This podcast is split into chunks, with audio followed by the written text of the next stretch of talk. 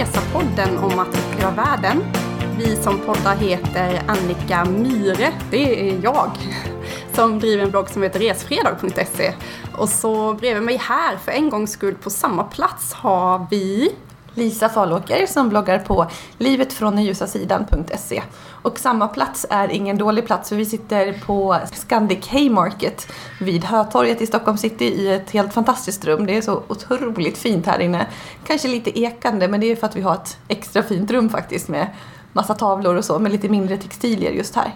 Och det är ju för att vi har en extra fin gäst med oss idag.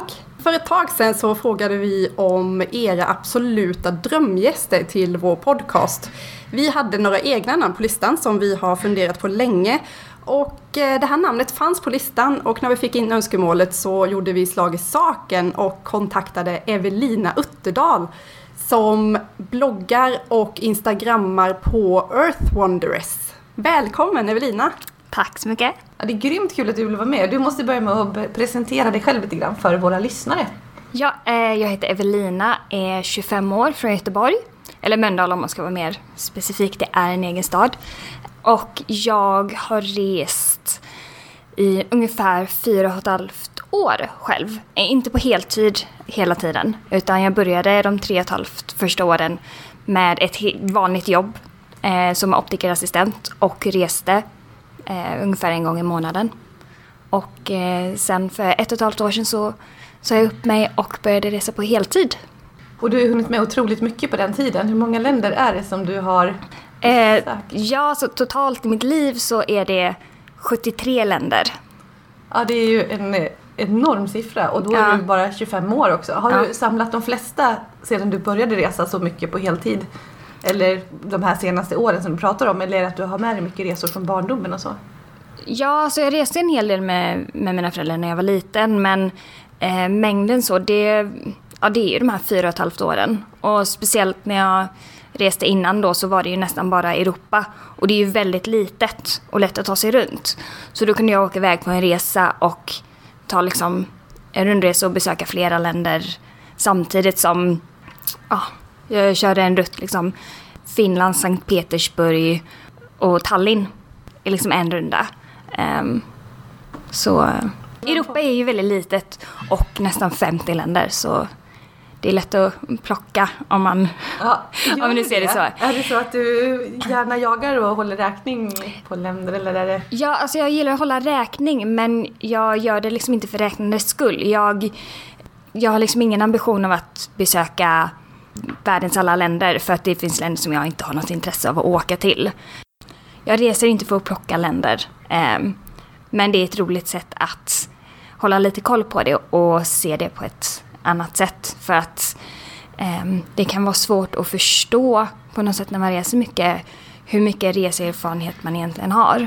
Eh, och att man har varit på många olika ställen och sett så många olika kulturer.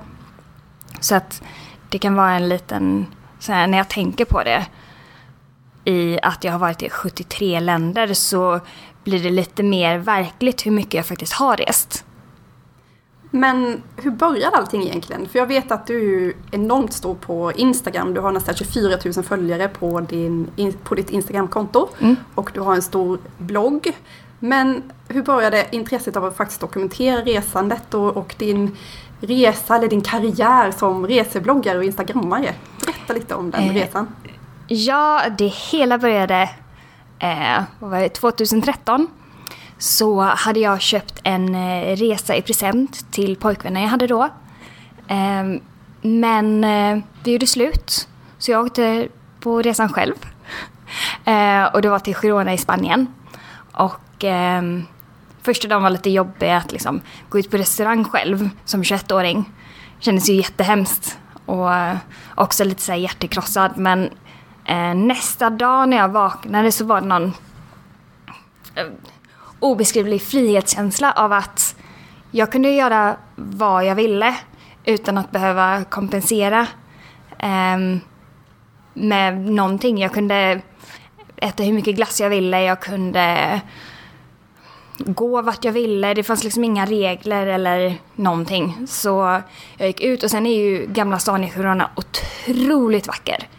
Eh, så jag vandrade ju bara runt där själv och, och det var i september också då så att det var ju off-season så det var inte så mycket folk. Men ändå väldigt, väldigt fint väder. Eh, så jag hade en jättebra dag och sen på kvällen så kände jag liksom att eh, i Spanien borde väl kanske äta typ tapas och sådär. Men så låg det en irländsk pub där och jag var så himla sugen på burgare och bärs. um, så uh, ja, jag gick och köpte mig en burgare och fick in mig en öl och så kom det en tjej förbi och frågade om jag pratade engelska. För att hon brukade komma dit och prata med folk för att öva på sin uh, engelska. Uh, undrar om hon fick sitta ner och bara prata. Och uh, så gjorde hon det och sen kom hennes kompisar och vi hade jättetrevligt. Och tänkte att liksom, det, det hade ju aldrig hänt om jag hade rest med någon. Så ja, jag blev jätteförälskad i att resa. Så då, det första jag gjorde när jag kom hem sen var att boka en resa till. För bara liksom, tre veckor senare eller någonting. Till eh, Edinburgh i Skottland. Och ja, på den vägen är det. Det hade nästan alltid någon resa framför mig för att det var det bästa jag visste. Och eh, efter ett tag så började främlingar följa mig för att min Instagram blev ju reseinstagram för att det var det enda jag gjorde. Och eh, ja, efter ett tag så växer följarantalet och folk tyckte att jag skulle starta en blogg. Och då gjorde jag det. Ja, så att det är på den vägen liksom. Mm. Jag tycker det är jättespännande när du pratar om att resa ensam och som tjej och lite yngre. Det är en bakgrund som både jag och Annika har pratat ganska mycket om tidigare och hur mycket man växer som person när mm. man gör sådär. Eh, och just den typen av eh, känslor som du pratar om nu mm. inledningsvis. Men, och du, eh, du kategoriserade dig ganska länge som just såhär solo traveler. Mm. Eller kanske till och med solo female traveler. Ja, precis. Ja. Eh, kan du inte berätta lite mer om det? Om det har eh, Alltså just att resa ensam. Om, har du fördelar jämfört med att resa tillsammans med någon? Är det ett aktivt val fortfarande sedan många år senare? Är det ditt eh, första val eller? Ja, jag måste nog säga det att jag föredrar oftast att resa själv. Eh, det är väl dels för att de gånger jag har rest så har det väl inte alltid varit människor som har samma intressen som mig.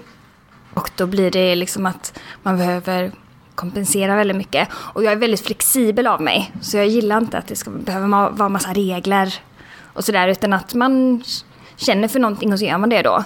Eh, man behöver liksom inte planera upp allt man ska göra på en resa. Så det är väl det att jag har blivit väldigt bekväm i att inte behöva kompensera. Utan att jag lever precis så som jag vill. Och hur vill du leva då? Hur ser en typisk eh, favoritresa ut för dig? Vilken typ av länder? Hur reser du runt? Om vi bortser från flygandet, för det kommer vi tillbaka till sen. Men just mm. så här, när du väl är på resan, vad är det du söker? Berg. Berg och, eh, ja, och, och vandra och vara ute i naturen.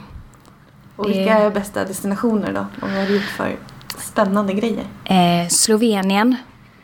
Eh, ett av de absolut mest vackra länder eh, jag har varit i. Det är någonting, det är som att det ligger som ett filter av magi över över landet. Jag kan inte riktigt förklara det på något annat sätt. Och sen såklart Nya Zeeland har eh, alltid varit en drömdestination och jag har känt hemlängtan till Nya Zeeland även innan jag var där. Som kom, eh, eh, har varit 2000 när första Sagan om ringen-filmen kom ut.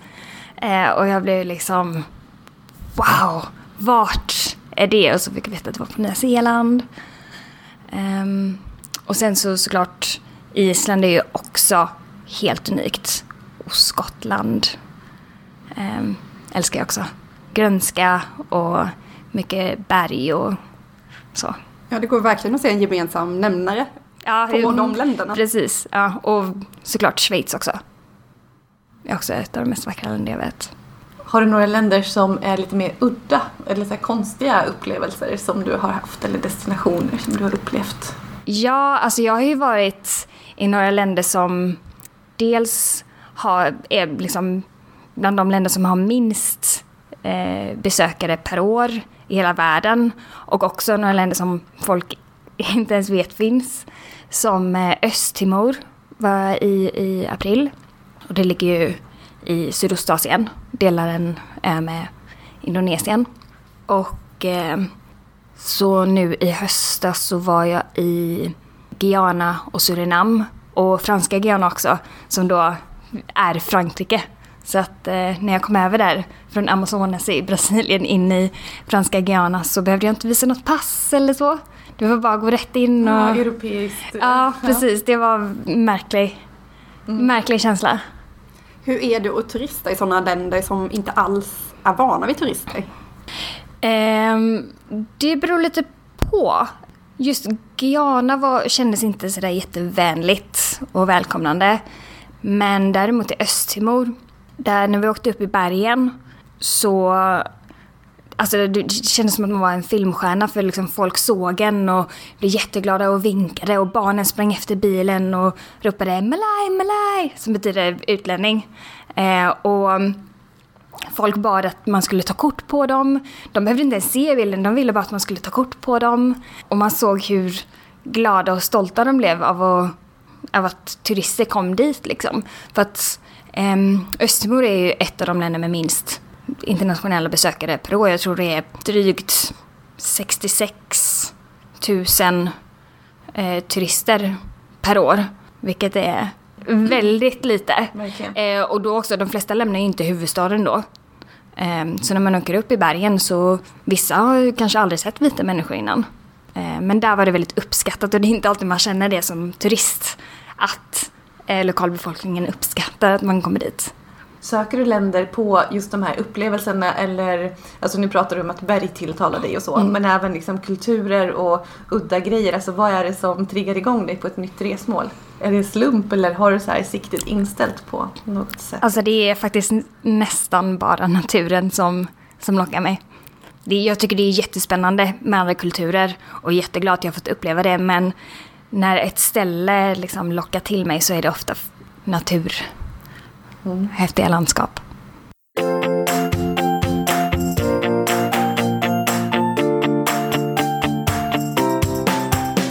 Reser du då, mer specifikt? För jag vet dels att du packar väldigt lätt. Alltså du kan vara borta länge och ha väldigt liten packning. Vad, Precis. eh, hur ser din eh, uppställning ut? en liten ryggsäck med... Ja, precis. Eh, jag, jag har ju nu senaste ja, ett och ett halvt år haft en 34 liters väska. Eh, och, då, ja, och då är ju det för allt jag behöver. Vad Ehm. finns i den väskan? Ja, vad är? Ja, och det- Hur gör man?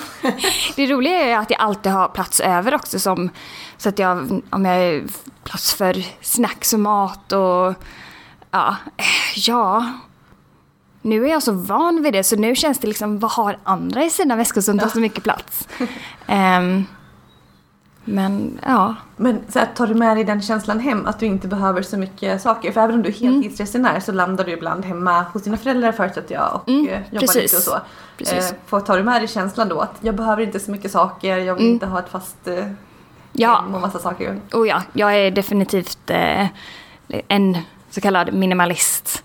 Ehm, och blir mer och mer så, så även när jag kommer hem och har liksom gamla kläder som ligger kvar där så antingen så använder jag dem när jag är här eller så gör jag mig av med det eh, och skänker till välgörenhet. För att om jag inte om jag har en pryl som jag inte älskar eller använder så har jag liksom ingen, ja, då ser jag in- ingen anledning att ha det kvar. Mm de här packningstipsen, för du har skrivit en del i din blogg som jag var inne och läste häromdagen. Och du hade väldigt smarta tips på hur man faktiskt kan minimera packningen. Som att använda alla saker fast i miniatyr. Har du Ja. en nagelknippare till exempel så kan du Ja. ha en pytteliten nagelknippare med dig. Ja, precis. Har du några fler sådana bra? Ja, alltså nummer ett är ju det här med schampo. Eh, för det är ju väldigt många som har här, stora schampoflaskor eller massa sådana små. Men om man köper en, eh, som det kallas, schampokaka, då är det som en liten hård tvål. Och en sån liten hård tvål som är som en val, ja, eh, håller i ungefär 80 tvättar. Så att en sån kan man ju ha i ett år. Mm. Och det tar liksom inte mer plats än vad som får plats i, i din hand. Och den kan man ju också då använda som tvål till kroppen. Man behöver inte ha en separat för det. Ehm, Och så har, jag vet att Lush, för där har jag köpt innan. Och de har även en som är schampo och balsamkaka så att om man inte har väldigt långt och kanske trassligt hår så funkar ju den bra för både och.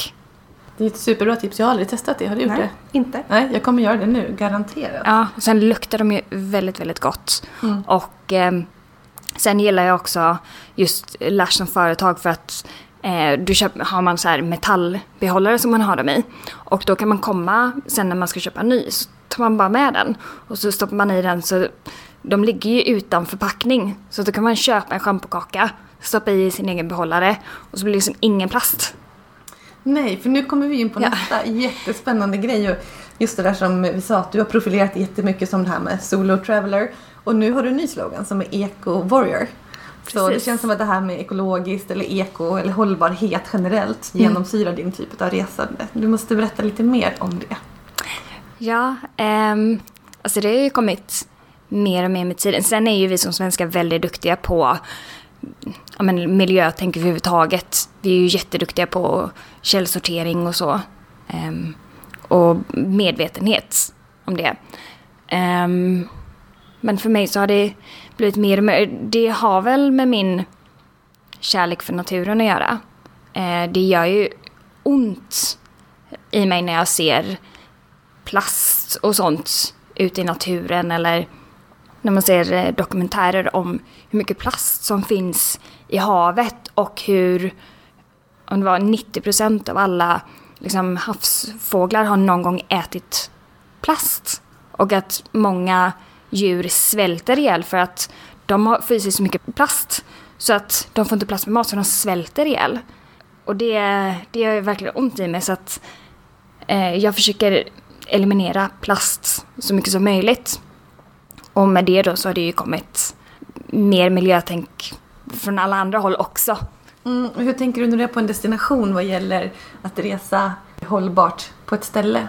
Har du några tips där eller sånt som du tänker på gällande vart du väljer att bo eller hur eller Mm. så? Ja, jag har faktiskt skrivit ett eh, inlägg idag som jag kommer eh, lägga ut imorgon. Eh, där det är tio enkla tips att ja, men mer, mer miljövänligt resande som inte kräver så mycket ansträngning, som är lätt att bara byta. Ehm, och alltså nummer ett är ju det här med vatten. Att ha sin egen vattenflaska som man kan fylla på med vatten. Så man slipper de här plastflaskorna. Eh, och det är ju inte alla platser som har kranvatten som man kan dricka. Men då finns det ju antingen så här tabletter eller pulver man häller i för att göra det eh, säkert att dricka. Eller som jag har sådana här eh, sugrör som har filter i sig. Och då kan man dricka det och man sparar pengar, man sparar plast. Och sen också, jag ser alltid till att ha några slags bestick. Innan hade jag en sån här spork. Eh, och sen hade jag träbestick. Men de har jag tappat bort. Så nu har jag beställt en nytt, det är som en sån här schweizisk kniv fast med eh, besticken i. Och en kapsylöppnare för det behövs ganska ofta. Ehm, för det är ju väldigt ofta om man köper liksom street food eller takeaway eller glass. Liksom. Och så får man en liten plastsked eller plastgaffel som man använder och sen så kastas det. Har man sin egen då så kan man tacka nej till det. För att det är just de här engångsplastprodukterna som gör väldigt illa i naturen. Det är så onödigt bara. Um, samma sak med sugrör. Tacka nej till sugrör. Um, man kan ju också ha så här egna metallsugrör eller i bambu som man kan använda och så har man en liten borste så att man kan rengöra den. Um, det har jag inte själv för att jag är inte så... Tycker sugrör är ganska onödigt. Men förutom sådana små smarta tips så lever du ju överhuvudtaget väldigt hållbart. Jag vet att du har tipsat om smycken som, man, eh, som har en ekocertifierad stämpel. Och du köpte någon ny handväska nu som är jättefin som du har med dig. Och kläder, solglasögon som är ekovänliga. Hur, Precis. hur får du tag i alla de här bra produkterna? Hur- Vad, vad läser du om dem? Vad får du tips? Vad ska man leta efter? Eh, ja, alltså det, det är väl egentligen som med allt man blir intresserad av. Om man ger sig in i någonting i en värld så hittar man liksom nästa och så hittar man något genom det och så något genom det. Så att, eh, det är ju för att jag har börjat följa massa Instagramkonton och YouTube-konton med folk som är väldigt miljömedvetna. Då så får man tips genom dem och sen så ser man vilka de följer på Instagram och sådär. Men ja, jag shoppar ju inte produkter och kläder och sånt från företag som inte kan bevisa att de som gör produkterna gör det under bra arbetsvillkor. Um, för liksom Fairtrade finns ju väldigt brett inom ja, men kaffe och mat och sådär, men inte så mycket med kläder. Och um, nu när jag har börjat kolla, det finns hur mycket som helst. Hur mycket eh, företag som helst som gör kläder som är Fairtrade.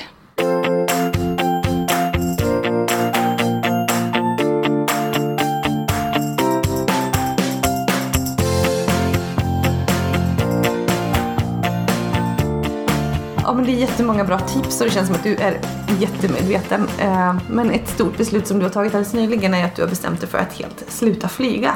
Mm. Och det är ju precis hur spännande som helst. Hur, hur tänker du och hur ska det här funka?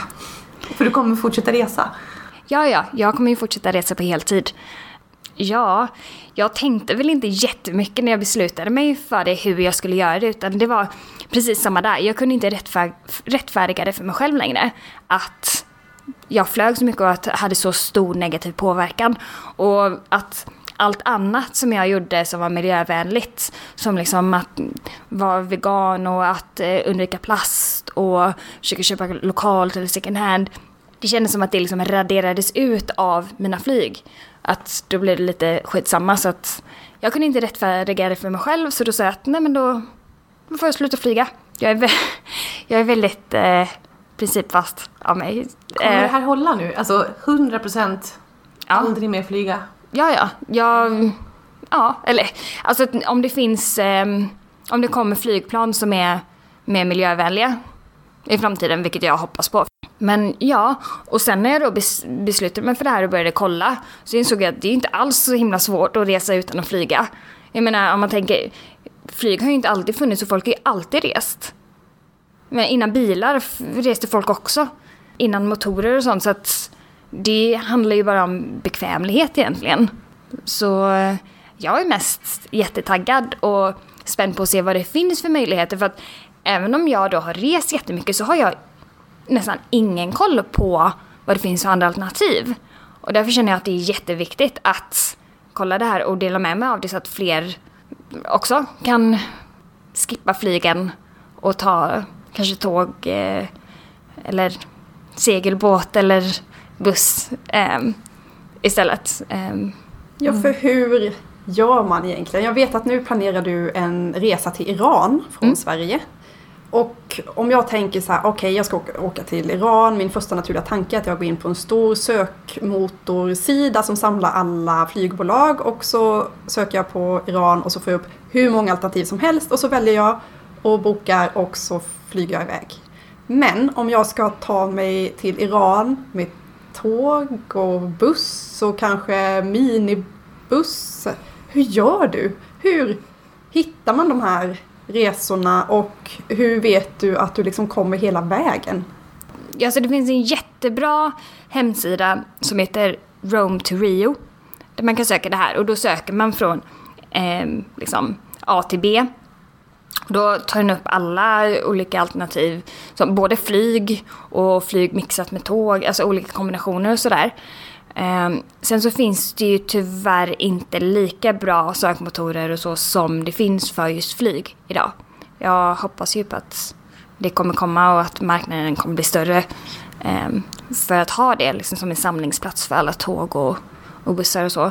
Men eh, som till exempel då när jag skulle till Iran så sökte då från Göteborg till Teheran och såg att jag skulle kunna ta mig från Göteborg till Teheran med bara tre olika bussar. Är det så? Berätta, Ja. hur går rutten? Eh, då är det först en buss från Göteborg till Bukarest. Och sen Bukarest till Istanbul. Vilket är en ganska kort resa. Och sen Istanbul till Teheran. Hur lång tid tar det? Ja, total busstid utan väntetider och så är ungefär 90 timmar.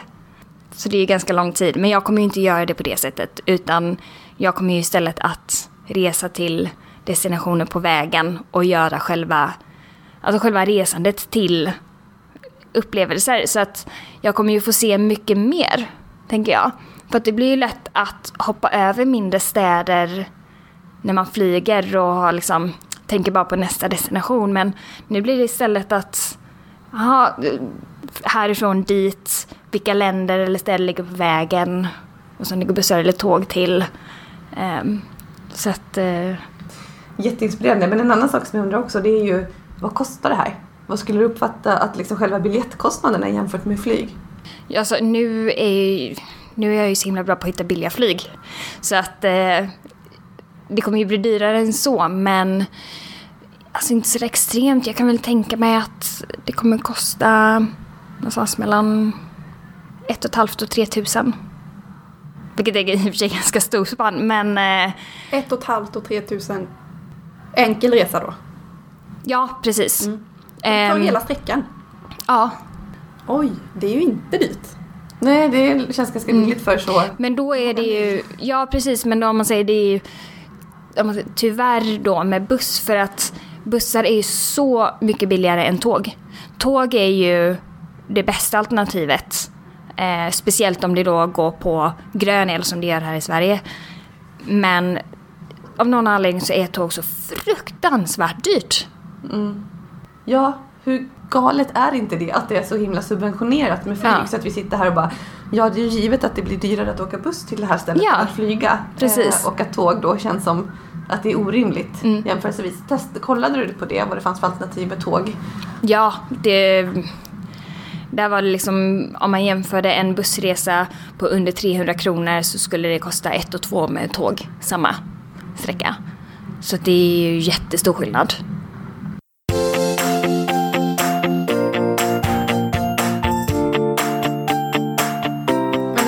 Känner du att det är en stor uppoffring att sluta flyga för dig? Ja, alltså Egentligen inte. Alltså jag har ju en väldigt unik situation.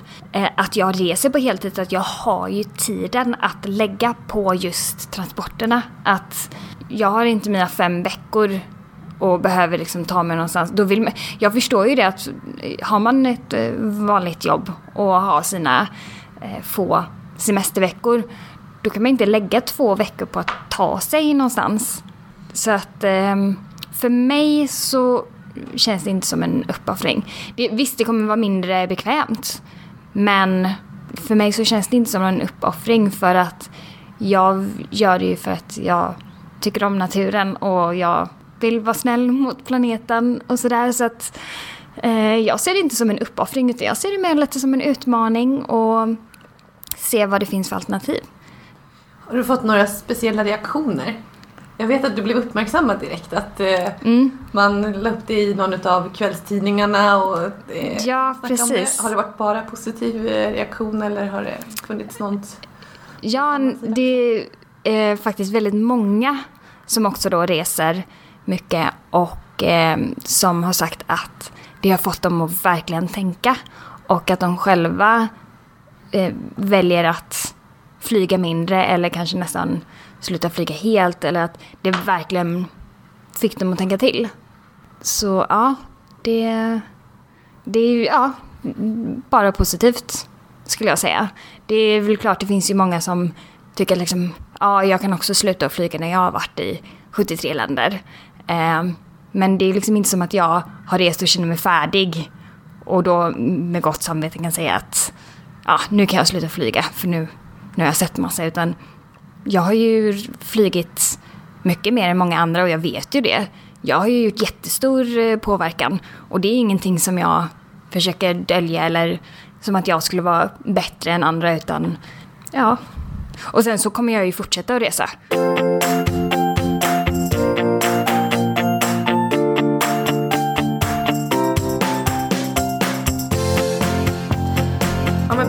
Säger så har ju lite i kritiken mot sådana här beslut, för det är fler som har gått ut och sagt att de har beslutat sig för att sluta flyga men då efter att ha varit typ i Thailand eller på en vacker ö i Afrika så bara nej men jag vill inte förstöra den här vackra planeten och därför slutar jag flyga. Men det är kanske lätt att säga om man har varit och sett alla de här vackra platserna. Tror du att du hade fattat samma beslut om att, att sluta flyga om du inte hade varit i Nya Zeeland som är ett drömresmål till exempel. Om du hade varit i fem länder eller tio länder, hade du fortfarande fattat det här beslutet tror du? Absolut.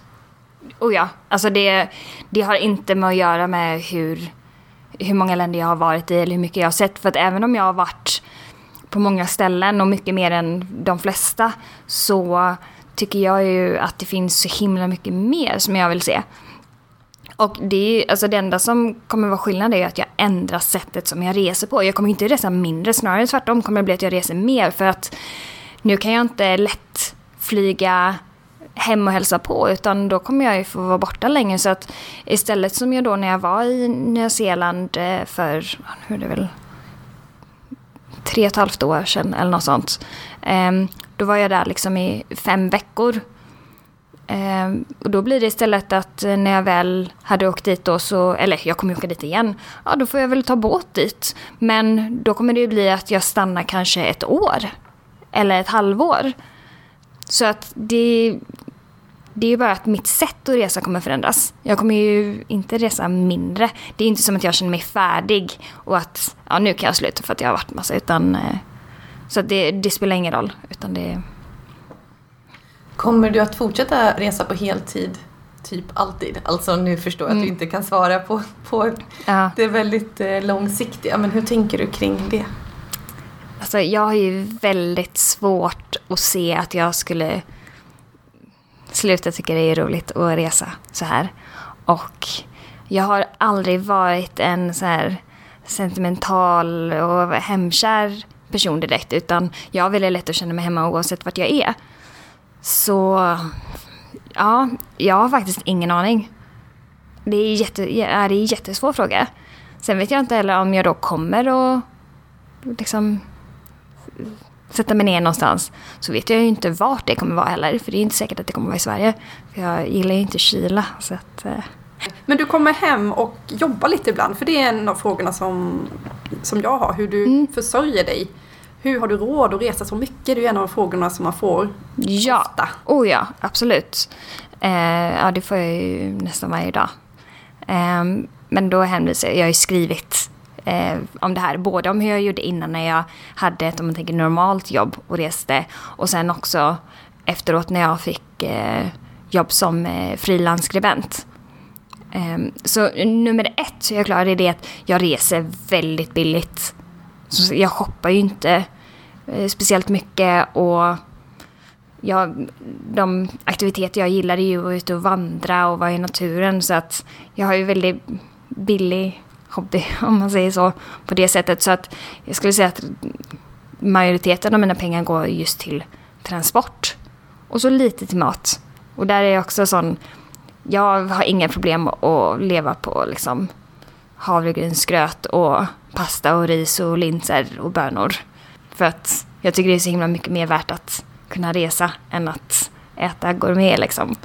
Så ehm, sen så, som sagt så de första åren så jobbade jag ett vanligt jobb.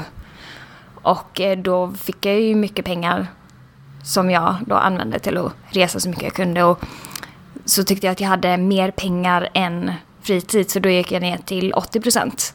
Så att jag hade liksom en extra semesterdag och så var det flexibelt så att jag kunde liksom välja mina semesterdagar lite hur jag ville och så. Men så att för mig blev det ju som att jag hade en extra dag ledigt eller liksom att jag, om man tänker om jag jobbade en hel vecka så tjänade jag en semesterdag att använda någon annan gång när jag väl skulle vara iväg.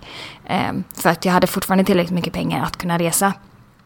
Ehm, och sen så var jag frilansskribent i ungefär ett år. Och sen så har jag gjort lite småjobb med sponsringar. Eh, inte väldigt mycket för att jag är väldigt eh, hård när det kommer till det. Så att jag, jag tackar nej till väldigt mycket erbjudanden. Eh, Men en annan sak jag undrar det är eh, boende, för det pratar du inte någonting om. Mm. Eh, Men hur bekostar du boende eller hur bor du på för sätt? Det är ju nästan alltid hostels. Och då tar ju jag ofta det billigaste som finns. Och som jag reser själv så en säng bara. I ett jättestort rum. Jag tror att det största jag har bott i ett rum med 24 sängar i ett rum. Um, så det är det. Eller så bor jag hos eh, antingen om jag har kompisar på stället jag är i eller om jag använder couchsurfing. Och då är det ju liksom en, eh, vad säger man, en social plattform som man kan använda för att eh, hitta folk att eh, bo på deras soffor. Och jag själv har ju gjort det och haft människor som har bott hos mig tidigare. Hur är det att couchsurfa ute i landet? Känner du dig alltid trygg som solo female traveler? Som ensam, ganska ung tjej som är ute och reser? Känner du dig säker på alla ställen och skulle du boka in dig hos vem som helst? Ja, alltså det, man eh, lämnar ju referenser hos sådana som man har bott hos. Så jag skulle ju inte bo hos någon som inte har några referenser eller som har dåliga referenser. Utan man får ju kolla efter det att den här personen är seriös och också läsa om det här så man kan få en liten känsla av personen. Och sen så brukar man ju också chatta lite innan man bor hos varandra. Och då får man ju en liten känsla av det så. Men jag har aldrig känt mig otrygg. Har du gjort det i något annat sammanhang på resan? Att du har känt dig otrygg eller utsatt eller har du varit med om någonting som har varit tufft? Väldigt lite faktiskt. Jag är ju väldigt godtrogen så att jag kanske inte upplever att en situation skulle ha kunnat gå illa även om hade det varit fel person som jag litade på så hade det kanske kunnat gå fel men eh, jag vet inte om det är tur eller att jag bara har väldigt god människokänning. Men eh, ja, i, i Guyana så kände jag mig eh, otrygg. Eh, och då reste jag inte ens själv utan då hade jag eh, resesällskap som var en kille. Och trots det så känner jag mig väldigt otrygg ute på gatorna. Sen så eh, råkade vi bo liksom i den dåliga delen av stan, vilket såklart gjorde det mycket värre. Så att hade vi bott i en, i en bättre del av stan så hade vi kanske upplevt det på ett helt annat sätt. Men även han tyckte att det var jobbigt. För han såg hur folk tittade på mig. För att jag är ju väldigt vit och blond och syns. Liksom, ja, han märkte att folk tittade på mig och att det inte var eh, bra uppmärksamhet. Och eh, catcall som eh, var på en helt annan nivå. Det var liksom nästan aggressivt och eh, ja, jag har väl förträngt lite grejer de sa och så. Tvekar du kring vissa destinationer för att du tror att det skulle kunna vara en annan känsla där än vad du är ute efter? Ja, faktiskt. Jag är ju eh, väldigt mycket så att jag inte vill döma ut länder innan jag varit där. Eh, men sen så brukar jag ju använda uh, som källa andra resenärer som faktiskt har varit där. Inte eh, liksom artiklar eller sånt som delas med det utan om man tänker riktiga resenärer som har varit där och backpackat eller så och läsa om hur det var för dem. För att det, man går direkt till källan liksom. Men eh, så det finns ju vissa ställen som, eh, som jag tvekar på för att det är ett känt problem med kvinnosynen som eh, Indien till exempel. Eh, sen är det såklart, det är ett väldigt stort land så det är inte så överallt men jag hade inte eh, velat åka dit själv. Även om det är en jättepopulär destination vet jag och många som åker dit men nej det. Mm. Har du, har du några fler sådana tips Ehm, till tjejer som vill resa själva? Förutom då som du säger ett jättebra, en jättebra grej att gå till källan och faktiskt höra med resenärer som har varit på plats. Som man kan tänka på. Vad hade du velat höra innan du åkte ut för första gången? Um, ja, så vissa grejer som kanske kan tyckas uh, uppenbart är att inte vara ute eh, när det är mörkt. Och eh, många, om man tänker dåliga saker, händer ju ofta kring alkohol. Så att när jag är ute och reser själv så, jag går ju aldrig ut och blir berusad. när jag själv, nu, det är jag nästan aldrig ändå, men Eh, utan jag väljer i så fall att jag går och lägger mig tidigt så går jag upp tidigt. Då får jag dessutom eh, de här turistställena helt för mig själv för att alla andra sover. Eh, men eh, att inte vara ute när det är mörkt. Och sen så också höra med platsen där man bor, att höra med personal eller eh, folk som bor där vilka områden man kanske ska undvika. Eh, för att det är ju olika, i, liksom, i alla länder så finns det ju vissa områden som inte är lika trygga som andra. Och det kan ju vara jättesvårt att veta som besökare. Då har man ju ingen koll på olika stadsdelar och sådär. Så att kolla med de som jobbar där. Eh, så man har lite koll på kanske ställen man ska undvika eller så. Och sen också att eh, alltid att ha någon person, minst en person, som man alltid uppdaterar om vart man bor. Eh, och ger liksom adress och telefonnummer, hur länge man ska bo där och sådär. Så att om någonting skulle hända så vet man vart man ska börja titta. Det kanske låter lite hemskt men eh, det är viktigt då. Det är, jag vet att jag själv har varit ganska dålig på det. Så att eh, min mamma får påminna mig ganska ofta. Jag kan tänka mig att det här kanske är värst för dem, dina föräldrar eller familj. Så. Ja, det, det är bra för utvecklingen, Ja. eh, säger mamma. Ja. Hon säger att hon utvecklats väldigt mycket av det här. Ja. Det är hon som har gjort det, inte, inte bara du. Nej, precis. Men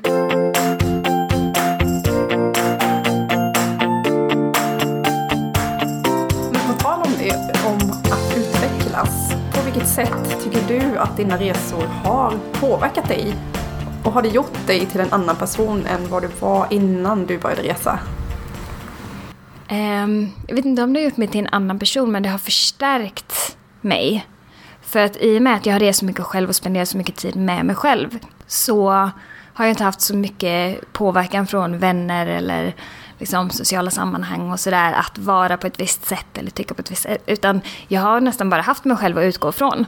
Så att då har jag ju blivit mycket starkare i mina egna värderingar. Det är en svår fråga. Sen så är ju jag i en sån ålder där det är klart att man utvecklas jättemycket. För att man lär sig jättemycket, man kommer ut i världen för första gången. Så att eh, det är svårt att veta vad som är ålder och vad som är eh, resandet. Men nu pratar vi om mycket så här, åh, alla fördelar med att resa och allt som är så fantastiskt med att resa. Men känner du att det finns ett baksidor med? Jag själv till exempel, om man har hemlängtan och att du känner att du, du på något sätt försummar relationer som är viktiga till förmån för någonting annat.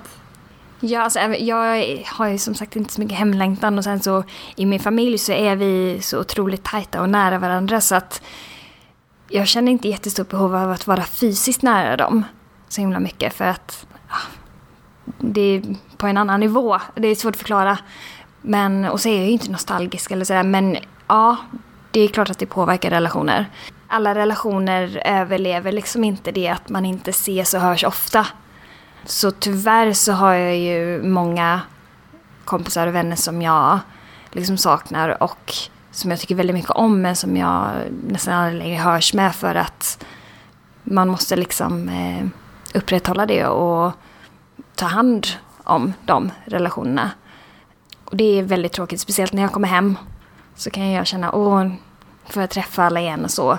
Men så kommer man hem och de har ju fortsatt sina liv och är vana vid att jag inte finns där så blir man liksom inte medbjuden till grejer för att de tänker ju inte på att man finns där längre. Och det är väldigt tufft. Tänker du någon gång på så här, framtiden vad gäller ja, men jag kanske skulle ha en utbildning eller pensionen eller så. Alltså jag fattar att det ligger skitlångt borta men Mm. eh, finns någon så här tanke på att säkra någonting för framtiden eller är det mest nuet som... Nej, jag lever väldigt mycket i nuet.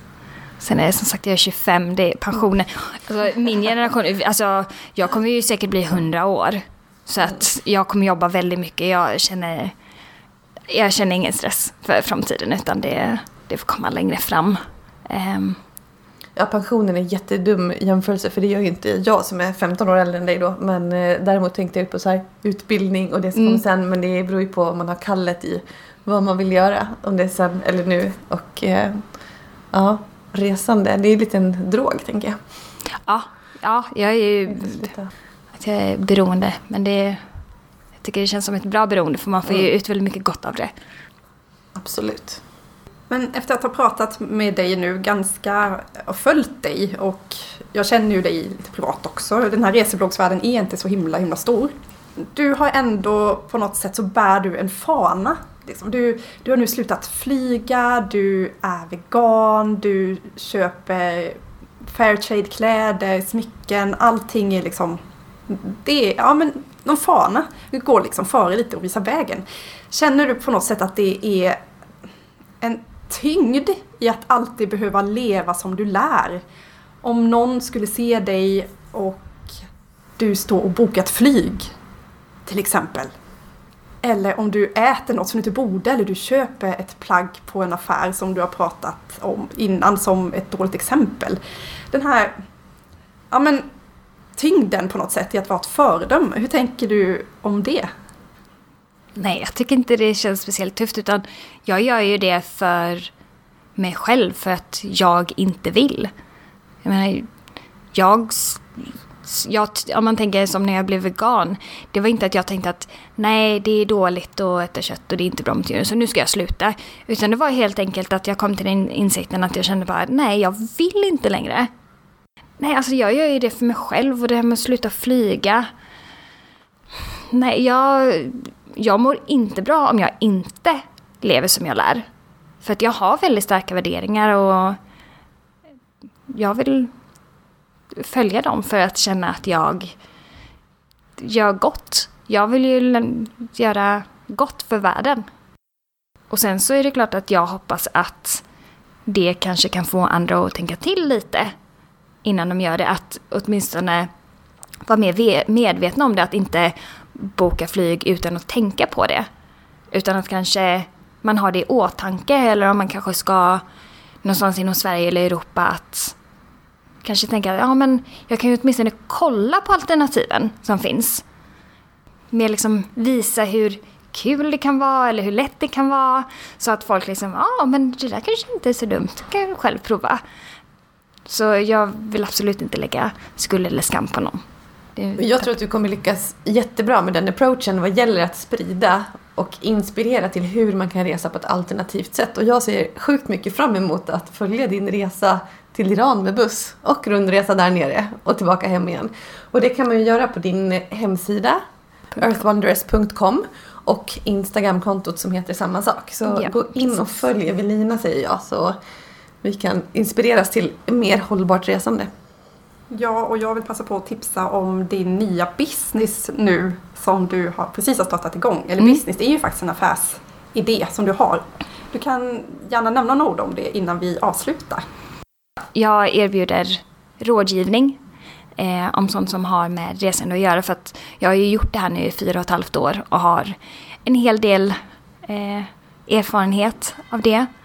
Eh, och det kan vara till exempel eh, någon som känner att de eh, kanske ska resa första gången som ensam och vill kunna prata av sig lite och fråga om tips och råd och hur det var för mig. Så att man kan bolla lite. Ehm, eller om man ska resa som vegan och är väldigt orolig över hur det ska gå.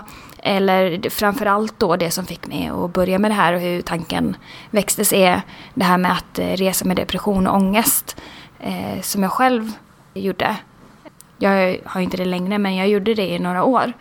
Och eh, jag skrev om det här på min blogg och jag får eh, minst ett till två mejl varje vecka fortfarande av folk som har läst det här och antingen vill tacka, kanske berätta lite om sin situation och frågar om råd. Och eh, då tänkte jag att jag kan ha lite mer privata sessioner, liksom att man skypar. Så att jag kan ge ordentligt med tid och lite mer personligt och kunna hjälpa lite mer.